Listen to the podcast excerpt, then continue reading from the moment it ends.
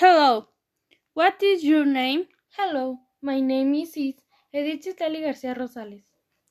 Which are your attributes? I am good at making dessert. I am friendly. I am good working. I am team. I am so dedicated in what I do. What do you like to do? I like to watch series. I like to spend time with my family. I like to go out with my friends.